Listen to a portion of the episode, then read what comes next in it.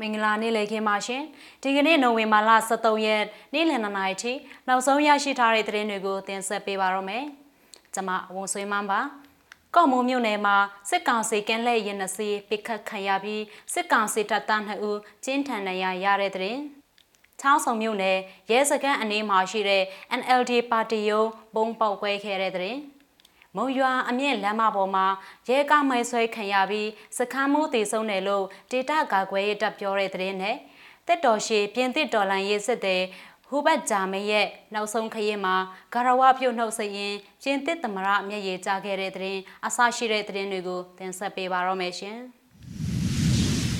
ကော့မုံမြို့နယ်ကသတင်းနဲ့စတင်ချင်ပါတယ်။ ရန်ကုန်တိုင်းကော့မိုးမြို့နယ်မကြေးကံရွာအနောက်ဘက်မှာရှိတဲ့ကြိုက်ထော်ကားလမ်းမပေါ်မှာစစ်ကောင်စီကင်းလှည့်ရနစီပိတ်ခတ်ခံရပြီးစစ်ကောင်စီတပ်သား2ဦးပြင်းထန်ဒဏ်ရာရရှိခဲ့ကြောင်းအမျိုးသားညီညွတ်ရေးအစိုးရ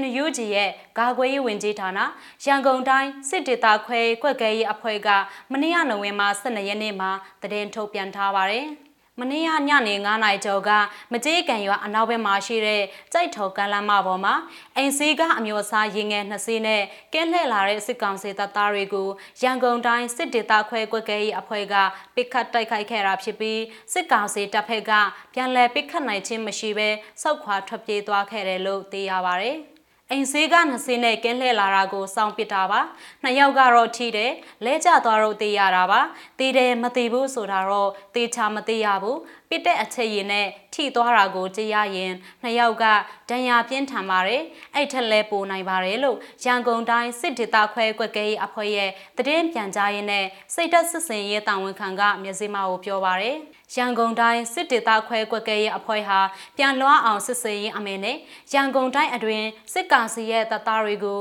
ခြေမုံတိုက်ခိုက်လျက်ရှိပြီးစစ်ကောင်စီတပ်အနေနဲ့တိုက်ပွဲဖြစ်ပွားပြီးနောက်အနည်းအနာရှိလက်နက်မဲ့ပြည်သူတွေကိုဖမ်းဆီးနှိပ်စက်တပ်ဖြတ်နေတာတွေကိုမလောက်ဆောင်ပဲလက်နက်ကင်အချင်းချင်းသာတံပြန်တိုက်ခတ်ဖို့တရေပေးထားပါတယ်။အခုတိုက်ခိုက်မှုဖြစ်စဉ်အပြေမှာလဲအကြမ်းဖက်စစ်တပ်အနေနဲ့အနည်းအနာရှိအပြစ်မဲ့ပြည်သူတွေကိုဖမ်းဆီးနှိပ်စက်ရန်ကားမှုတွေလှုပ်ဆောင်လာနိုင်တဲ့အတွက်ပြည်သူတွေတတိနဲ့နေထိုင်သွားလာကြဖို့ရန်ကုန်တိုင်းစစ်ဒေသခွဲကွက်ကဲအဖွဲ့ကမေတ္တာရက်ခံတရေပေးထားပါတယ်။ နိုဝင်ဘာလ9ရက်နေ့ကကွမ်းချံကုန်းမြို့နယ်မှာစစ်ကောင်စီကားကိုရန်ကုန်တိုင်းစစ်ဒေသခွဲကွက်ကဲရေးအဖွဲ့ကပစ်ခတ်တိုက်ခိုက်ခဲ့ပြီးစစ်ကောင်စီတပ်သား12ဦးခန့်တေဆုံးခဲ့ပါတယ်။ မွန်ပြည်နယ်ကတရင်နဲ့ဆက်ချင်ပါတယ်။မွန်ပြည်နယ်ချောင်းဆောင်မြို့နယ်မြို့မရဲစခန်းအရှိမရှိတဲ့အမျိုးသားဒီမိုကရေစီအဖွဲ့ချုပ် NLD ပါတီရုံးမှာနိုဝင်ဘာ12ရက်ညပိုင်းကဘုံပေါက်ကွဲမှုဖြစ်ပွားခဲ့ကြောင်းမြို့ခံတွေစီကသိရပါတယ်။အဆိုပါမြို့နယ် NLD ပါတီရုံးဖောက်ခွဲဖျက်ဆီးခံရမှုကြောင့်အဆောက်အအုံတစ်ခုလုံးနေပါပျက်စီးသွားတယ်လို့အဲ့ရက်ကွက်နေဒေသခံတွေကဆိုပါတယ်။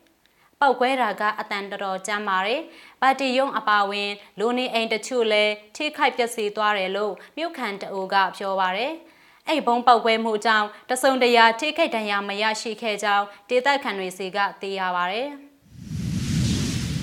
မုံရွာမြို့ကတရင်ကိုလည်းတင်ဆက်ပေးချင်ပါတယ်။ မုံရွာမြို့မုံရွာအမြင့်လမ်းပေါ်ရှိညောင်ဖြူပင်ရွာအနီးမှာရဲတပ်ဖွဲ့ဝင်များစီးနှင်းလိုက်ပါလာတဲ့အိမ်စေကားကိုမိုက်ဆွဲတိုက်ခိုက်ခဲ့ရာစခန်းမှုတည်ဆုံသွားကြောင်းမုံရွာလျှက်စီးအဖွဲ့မုံရွာ Lightning PDF တာဝန်ရှိသူကပြောပါရယ်မနေ့ကနေ့လယ်တနာရီခွဲမှာရဲတပ်ဖွဲ့ဝင်တွေစီးနှင်းလိုက်ပါလာတဲ့အိမ်စေကားကိုတိုက်ခိုက်ခဲ့တာဖြစ်ပါတယ်။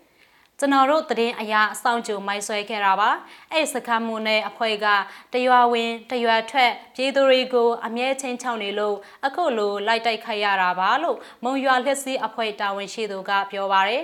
မိုင်းဆွဲခံရတဲ့စခန်းမှုဟာညောင်ဖြူပင်ရွာရဲစခန်းကဖြစ်ပြီးမုံရွာရှိစစ်စေးရုံကိုစေးကိုတာဖို့ခေါ်သွားပေမဲ့လည်းတရားပြင်းထန်တဲ့အတွက်တည်ဆုံသွားခဲ့တယ်လို့ဆိုပါတယ်။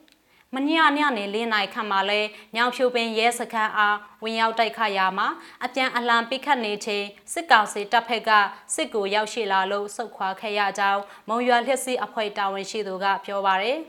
တိုက်ပွဲတွေဖြစ်ပွားပြီးတဲ့နောက်ရဲအင်အားတိုးချထားပြီးဒီနေ့နိုဝင်ဘာ23ရက်မနေ့ပိုင်းမှာ drone တွေနဲ့ထောက်လန်းနေကြောင်းဒေသခံတွေစီကသိရပါဗျ။ အမြင့်မုံရွာလမ်းမအားည၈နာရီခွဲမှမနက်၃နာရီအတွင်းကျမ်းမာရေးကိစ္စကလွဲပြီးအသုံးမပြုကြဘူးမုံရွာလျှက်စီအဖွဲ့ကနိုဝင်ဘာ9ရက်နေ့မှာအသေးပေးထုတ်ပြန်ထားပါတယ်။မတစ်တော်ရှည်ပြင်တစ်တော်လိုင်းရဲ့စစ်သည်ဟူဘတ်ဂျာမဲရဲ့နှောက်ဆုံးခရဲမှာဂရဝပြုတ်နှုတ်စရင်ပြင်တစ်သမရမျက်ရည်ကျခဲ့တဲ့နိုင်ငံတကာသတင်းကိုလည်းတင်ဆက်ပေးချင်ပါတယ်ပြင်သစ်နိုင်ငံရဲ့နောက်ဆုံးကြံရစ်တဲ့ တက်တော်ရှိဒေါ်လာရေးစစ်သားဟူဘတ်ဂျာမဲဟာပြီးခဲ့တဲ့လကအသက်100နှစ်အရွယ်မှာကွယ်လွန်ခဲ့ပါတယ်။သူ့ရဲ့ခေါင်းတလားကို Mount Valerian စစ်သင်းချိုင်းကဒေါ်လာရေးစစ်တီတော်တွေကိုတီးတန့်မြုပ်နှံတဲ့မြေအောက်ခန်းကိုပို့ဆောင်ခဲ့ပါတယ်။ဂျာမဲရဲ့နောက်ဆုံးဆန္ဒအတိုင်းခုခံတော်လှန်မှုတင်ကေတဖြစ်တဲ့ Lorraine လက်ဝက်ကတိုင်ကိုပြင်သစ်သမ္မတ Emmanuel Macron က၎င်းရဲ့ခေါင်းတလားပေါ်ကိုတင်ပေးခဲ့ပါတယ်။ဒုတိယကမ္ဘာစစ်တုန်းက Charles de Gaulle ကိုယ်တိုင်အတိမတ်ပြုတ်ခဲ့တဲ့ ပြင်သစ်တော်လှန်ရေးတိုက်ပွဲဝင်သူရဲ့ကောင်နောက်ဆုံးမျိုးဆက်ဟူဘတ်ဂျာမဲရဲ့အလောင်းကိုပြင်သစ်သမ္မတ Emmanuel Macron လာရောက်ပြီးနောက်ဆုံးဂါရဝပြုချိန်မှာညက်ရည်ကျခဲ့ပါတယ်။ဟူဘတ်ဂျာမဲရဲ့အလောင်းကိုပြင်သစ်မြို့တော်အပြင်ဘက်ရှိ Mount Valerian စစ်သင်းချိုင်းမှာမသကြိုခင် Paris မြို့အလယ်မှာဂျာမိန်ကိုဂုံပြူသောအဖြစ်အထူးအားလျက်ပွဲတော်ကိုသမ္မတမက်ခရွန်ကဦးဆောင်ကျင်းပခဲ့ပါတယ်။ဟူဘတ်ဂျာမိန်ဟာသွားလေသူပြင်သစ်လွတ်မြောက်ရေးခေါင်းဆောင် Charles de Gaulle ကတော်လန်ရေးသွေးသားအဖြစ်ဂုံပြုခဲ့တဲ့နောက်ဆုံးကြံရစ်သူတော်လန်ရေးစစ်တီတော်ကြီးလည်းဖြစ်ပါတယ်။ပြင်သစ်အလံပတ်ထားတဲ့သူ့ခေါင်းတလားကိုတန်ကြက်ကရဲနဲ့တင်ဆောင်က Champs Elysees ရိပ်သာလမ်းအတိုင်းနပိုလီယန်ခေတ်ပြင်သစ်တော်လှန်ရေးကာလအတွင်းကြာဆုံးခဲ့တဲ့စစ်တီတော်တွေကိုဂုံပြုတ်အထိမ့်မှတ်မဟုတ်ဦး Arc de Triomphe ထိတည်ယူခဲ့ပါတယ်။အဆိုပါမဟုတ်ဦးမှာအသင့်ဆောင်ဆိုင်နေကြတဲ့တမ်မတမက်ခရွန်နဲ့အလဲဘက်ရောက်ရှိနေတဲ့ကမ်မလာဟာရစ်တို့က ဂါရဝပြုတ်နှုတ်ဆက်ခဲ့ကြပါတယ်။နောက်ဆုံးမျိုးဆက်ဖြစ်တဲ့တော်လှန်ရေးရဲဘော်ကြီးကိုနှုတ်ဆက်ရမယ့်နေ့ရောက်လာမှာပဲဆိုတာကျွန်တော်တို့အားလုံးသိထားပြီးသားပါ။အဲ့ဒီနေ့ဟာရောက်ရှိလာခဲ့ပါပြီ။ဂျာမိန်မရှိတော့ရင်ကျွန်တော်တို့ဒီကိုရောက်လာကြအောင်မလားလို့သမ္မတမက်ခရွန်ကပြောကြားခဲ့ပါတယ်။ပြင်သစ်ကိုလိုနီတပ်မတော်ဗိုလ်ချုပ်တူရဲ့သားဖြစ်သူဂျာမိန်ဟာပြင်သစ်နိုင်ငံအသိမ်းခံလိုက်ရပြီးတဲ့နောက်ဆယ်ကျော်သက်အရွယ်မှာပဲဒီဂေါရဲ့တော်လန်ရေးတပ်ကိုဝင်ရောက်ခါကျူးကျော်သူဂျာမန်ကို ခုခံတွန်းလှန်စစ်ဆင်နွှဲခဲ့သူဖြစ်ကြောင်းသိရှိရပါတယ်။ညစမရဲ့နိုဝင်ဘာ23ရက်နေ့နေ့လယ်2နာရီထိနောက်ဆုံးရရှိထားတဲ့သတင်းတွေကိုတင်ဆက်ပေးခဲ့တာပါမြန်မာပြည်သူတွေကိုစိတ်နှဖျားစမ်းမချမ်းသာကြပါစေရှင်